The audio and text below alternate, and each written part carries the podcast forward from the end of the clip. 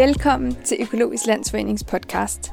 Mit navn er Sofie Frem, og dette afsnit handler om, hvordan økologien er bæredygtig, og hvordan man omlægger til økologi med succes.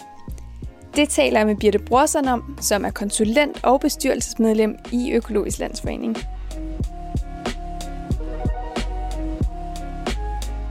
Hej Birte, og velkommen til podcasten. Tak skal du have. Jeg tænkte på, om du ikke vil starte med at, med at introducere dig selv. Det kan du tro. Øh, jeg hedder Birte Borsen, og øh, jeg er øh, sådan en, der har 20 års erfaring med træsko på på stengulv i køkkener. Og efter det, så har jeg arbejdet i mere end 20 år som omlægningsrådgiver for, for professionelle køkkener, der ville noget med økologi og bæredygtighed.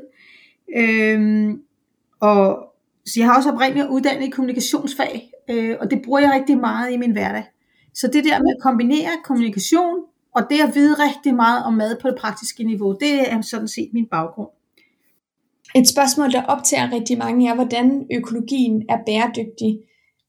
Kan du forklare det? Jeg ved, det er et meget stort spørgsmål.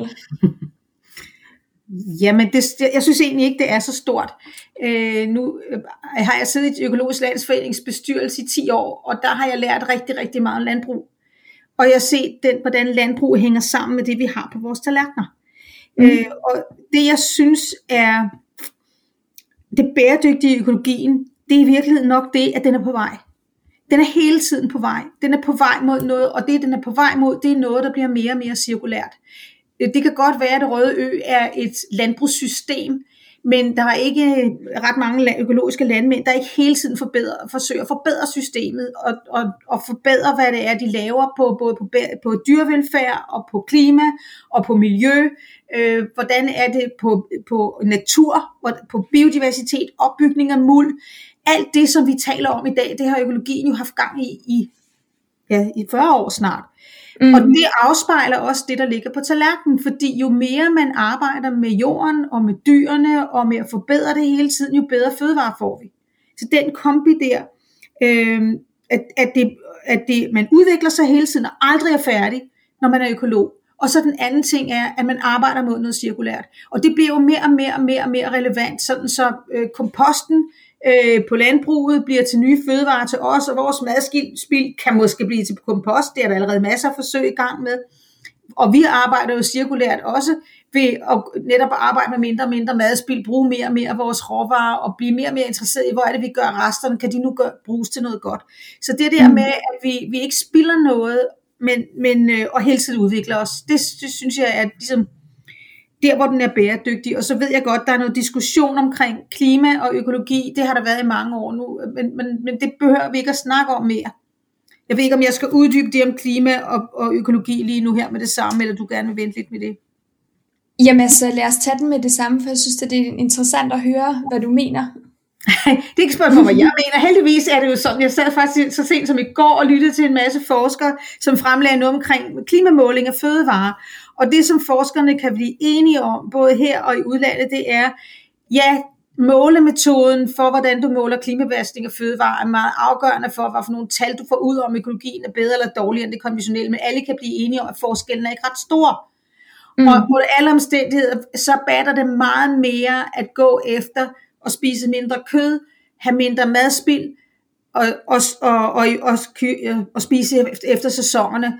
Altså det, det er meget mere vigtigt, om det er økologisk eller konventionelt, for forskellen er så små, og nogle gange er, er ned på produktniveau, at kan det være sorten eller dyrkningsstedet, der er mere afgørende for klimaet. Og så er det, man så står tilbage med, når man har diskuteret eller kommet frem til, at økologi og konventionelt er stort set lige slemt for klimaet, for det er det. Mm. Så står man tilbage med, ja, men økologien vinder så på alle de andre parametre, på dyrevelfærden, på, på biodiversiteten, på naturen, på øh, det levende land øh, med mange flere medarbejdere, der, der er rigtig mange på smag, kvalitet, og nu siger jeg, nu skal noget, der er nogen, der vil slå mig oven i hovedet med, men, men, og det kan også godt være samtidig, at smager økologi ikke så godt, som den burde. Men så skal man bare finde en anden sort på en anden jord. Men, mm. Øh, pointen er, at på, på kvælstofudledning, på øh, zink, på rigtig mange ting, som skader vores, hvor vi har skadet vores jord med, øh, med det konventionelle landbrug, øh, det rammer, det kommer økologien ikke med. øh, det er simpelthen væk, når du, og derfor så er klimaet bare jo et parametre, og biodiversiteten og naturen er så meget oppe i dag. Og jeg vil også lige sige her, jeg sidder ikke og slår på de konventionelle landmænd. Jeg vil gerne slå på os selv. Vi har bedt om billige, billige fødevarer, og ikke tænkt på andet end billighed, og ikke tænkt på smag, kvalitet og dyrevelfærd, og netop bevarelse af jorden. Så vi har jo bedt om at få billig mad, og hvad får vi så? Så får vi jo noget, der presser jorden, presser dyrene og presser landmændene. Mm. Så jeg sidder ikke og slår her på det konventionelle landbrug. Det er hermed noteret. og jeg vil også godt sige en gang til, at vi skal ikke mere snakke om, at økologi ikke er klimavenligt, fordi det er, det er fuldstændig afhængig af, hvordan du sætter din, sammensætter din tallerken. Fordi ja. du, du kan godt have en, en økologisk tallerken, der er dybt klimafjendtlig, og ved siden af en konventionel tallerken, der virkelig er klimavenlig. Fordi hvis det nu er vegetarretter på den konventionelle, og kød på den økologiske, det er meget mere vigtigt, hvad det er, jeg putter på tallerkenen. Og man kan så sige, hvis jeg lige skal sætte en krølle på den, er, at vi ved, at økologiske køkkener og økologiske familier, jo mere økologisk man er, jo mindre kød bruger man rent faktisk og mere sæson bruger man af mindre madspil har man. Så de parametre, der er de vigtigste her, det, det ved vi af erfaring, er der meget mere af på de økologiske tallerkener. Mm. Så jeg hører dig sige, det er et, det er ikke et sort og hvidt spørgsmål. Det her det hænger ligesom sammen på et større plan, hvordan økologi er bæredygtigt. Ja. Øh, men der er ikke nogen tvivl om, at, at økologi er en del af den bæredygtige tallerken. I den her sammenhæng, kan du så komme med nogle eksempler på, hvordan økologi i praksis kan være en løftestang for et køkkens bæredygtige arbejde? Det kan jeg sagtens, og det kommer lidt an på, hvad det er for et køkken. Øh, de fleste køkkener har jo en eller anden økonomi, de skal overholde, uanset om det er en gourmetrestaurant, eller det er en daginstitution, eller et plejehjemskøkken, eller en kantine, eller hvad det er. Og det, jeg har set igennem de, jeg har arbejdet med økologi siden 2003, så det er lige ved at være 20 år, og, og så er det jo selvfølgelig koblet klima og alt det andet på sidenhen. Men i alle de år, øh, der har det været sådan, at økonomien spillede en rolle. Du kunne ikke lægge, og det blev simpelthen til, du lægger om til økologi, uden at bruge flere penge. Lige præcis det parameter er med til, at øh, det betyder, det gør simpelthen, at det er det, der er mest betydningsfuldt. For når du ikke har flere penge at gøre godt med, men du skal ud og købe dyre råvarer, så kommer du til at, at købe ind præcis efter de parametre, jeg hele tiden snakker om. Mindre kød, mindre madspil og mere sæson. At de tre ting gør, at du kommer til mindre kød, det giver flere penge. Øh, mindre madspil giver også flere penge. Mere sæson giver også flere penge, fordi gulerødder er billigere end tomater. Så, så de, de der ting, som både giver sundhed, de giver også bedre klima, det giver også råd til mere økologi, og det, det, det er et dejligt benspænd at have. For det, det gør det simpelthen nemmere at vælge de fødevarer, du skal bruge, når du, når du skal...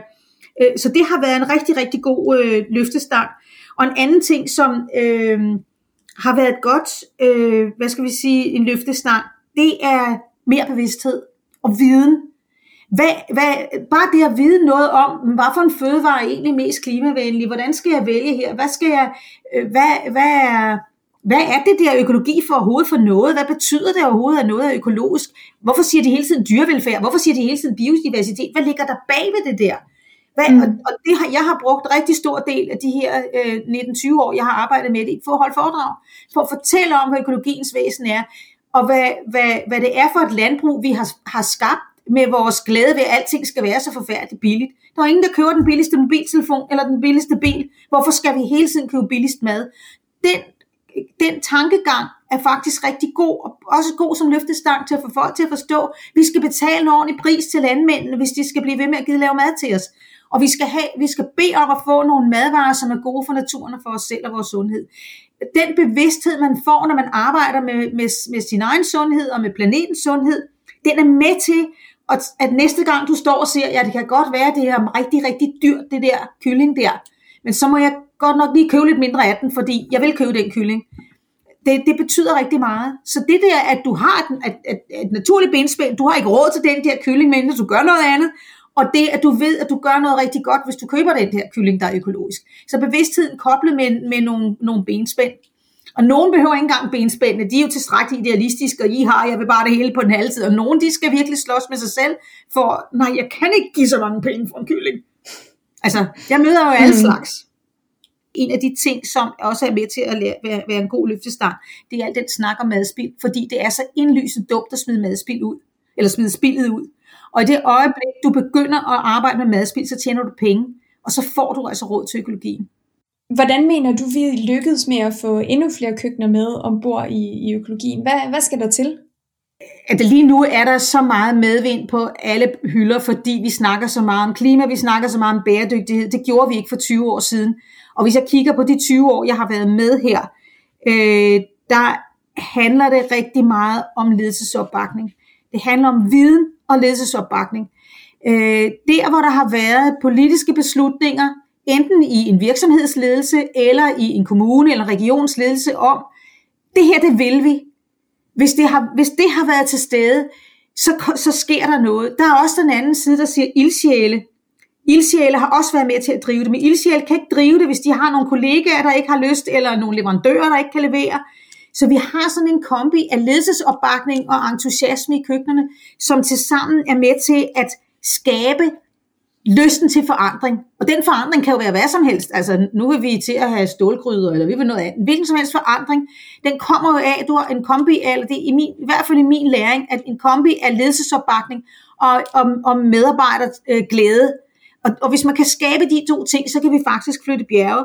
Og det er det, jeg har oplevet igennem de her øh, og de her år. Og det som en af de vigtigste faktorer her, er, at Økologisk Landsforening, som faktisk som en af primusmotorerne har været med til at få staten til at give over flere omgange penge til økologisk omlægning, sådan mm. så kommunerne gik ind i det, sådan så der, hvor der var øh, politiske grøde i, og det her, det vil vi gerne, øh, der har der været penge til at komme med den motivation, som skal til, til for, at man, nå ja, det der med kyllingen, det vil jeg faktisk gerne, fordi sådan og sådan.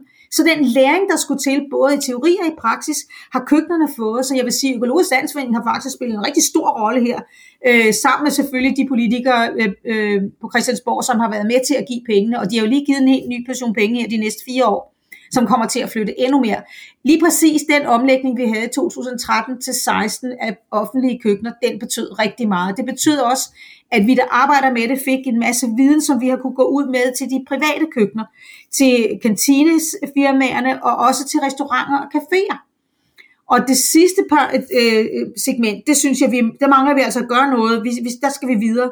Så jeg vil sige, det man skal have fat i, det er CSR-folkene i virksomhederne, og det er ledelsen i kommuner og regioner. Og så vil jeg så sige noget andet. De skal også lære, at de kan sige alt muligt fint om at skifte pærerne ud og køre i elbiler. De skal have maden med. For der er rigtig mange kantiner, jeg kommer ud i, hvor de kaster om som er bæredygtige strategier, og de er så grønne på deres hjemmesider, men i kantinen, der har de glemt at følge med. De spiser derud af med bøffer, og de skal have hver, specielt hvis der er møde, som ledelsesmøde, så skal vi virkelig have den dyreste oksefilet. Altså, come on, det er, og det er måske ikke lige sådan øh, den konventionelle rødvin. Prøv nu den økologiske, det har jeg også haft mange debatter om. Så der, mm. man skal virkelig spise den medicin helt ned i, i maden også. Det er ikke kun energi og så videre. Og så sjovt, jeg plejer faktisk at sige til de her, når jeg engang imellem får lov til at snakke med sådan en CSR-chef, så siger han til mig, at du kan spare meget mere CO2 og mange flere penge til bæredygtighed i kantinen, end du kan med nogle af de andre ting, du foretager dig i din virksomhed. Lidt afhængig af selvfølgelig af, hvad de laver. Så så det er vigtigt med, med, med, med at få ledelsen med, og så at de kan bakke de medarbejdere op, som har ilden brændende i sig. De, de, er, heller, de er også uundværlige. Hvis man nu er kommet så langt i køkkenet, at man har besluttet sig for, at nu skal vi omlægge til økologi, øhm, hvor kan man så med fordel starte? Hvad, hvad er dit go-to-råd? Basisvarer. Mm.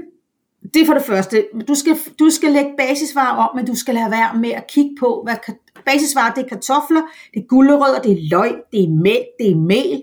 Og når du har lagt de her ting op, plus lidt flere grøntsager, så er du faktisk 30% økologi og kan få et bronzemærke. Når basis, og det, basisvarerne er også dem, som har den mindste øh, merpris. Start med mælken, hvis du slet ikke er i gang endnu, for mælken er også håndterbar på samme måde. Der skal du ikke til at ud og begynde at skrælle noget mere eller pille noget mere. Mælken er fuldstændig lige sådan, der er bare nogle andre mærker udenpå. Så mælken er det nemmeste. Prisforskellen er rigtig lille, men min råd er også, lad nu være at kigge på prisforskellen. Du skal gøre noget andet. Du skal simpelthen starte med at tjene nogle penge. Start med at pille lidt i madspillet. Du skal ikke pille ret meget i dit madspil. Bare sig til dig selv, jeg vil have 10% mindre i morgen, så har du råd til din mælk.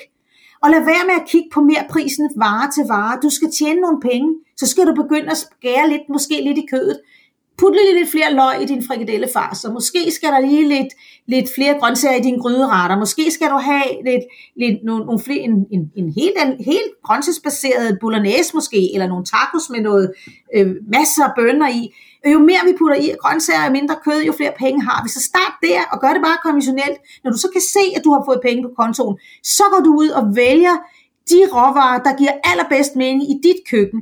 Og der foreslår jeg, som regel vil det være, være, det være basisvarerne, hvor prisforskellen er mindst. Og så gå i første omgang efter dem, hvor du har den samme håndtering, så du ikke også skal ud og finde en masse tid til for eksempel at stå og skralde og snitte. Den tid skal du nok finde, fordi når først I bliver bidt af det her, jeg har aldrig endnu rådgivet, jeg har et enkelt måske et køkken til, hvordan de kan finde mere tid til at forarbejde økologiske fødevarer. Det kommer simpelthen af glæden ved at lave det. Det vigtige er at starte med basisvarerne, men find pengene først, fordi så har du ro i maven over, hvad du er gang i. Og hvis chefen kommer og siger et eller andet, jeg har fundet pengene, og derfor har vi nu økologisk mælk. Og så er det jo ikke nøjagtigt de samme knapper, man drejer på. Hele vejen fra man har 0% økologi, til man har 88 og gerne vil have et guldmærke på 90%. Det er fuldstændig de samme ting, man gør. Man bliver bare dygtigere og dygtigere til det. Birte, vi er simpelthen løbet tør for tid. Jeg vil sige tusind tak, fordi du vil være med. Velbekomme, det var hyggeligt.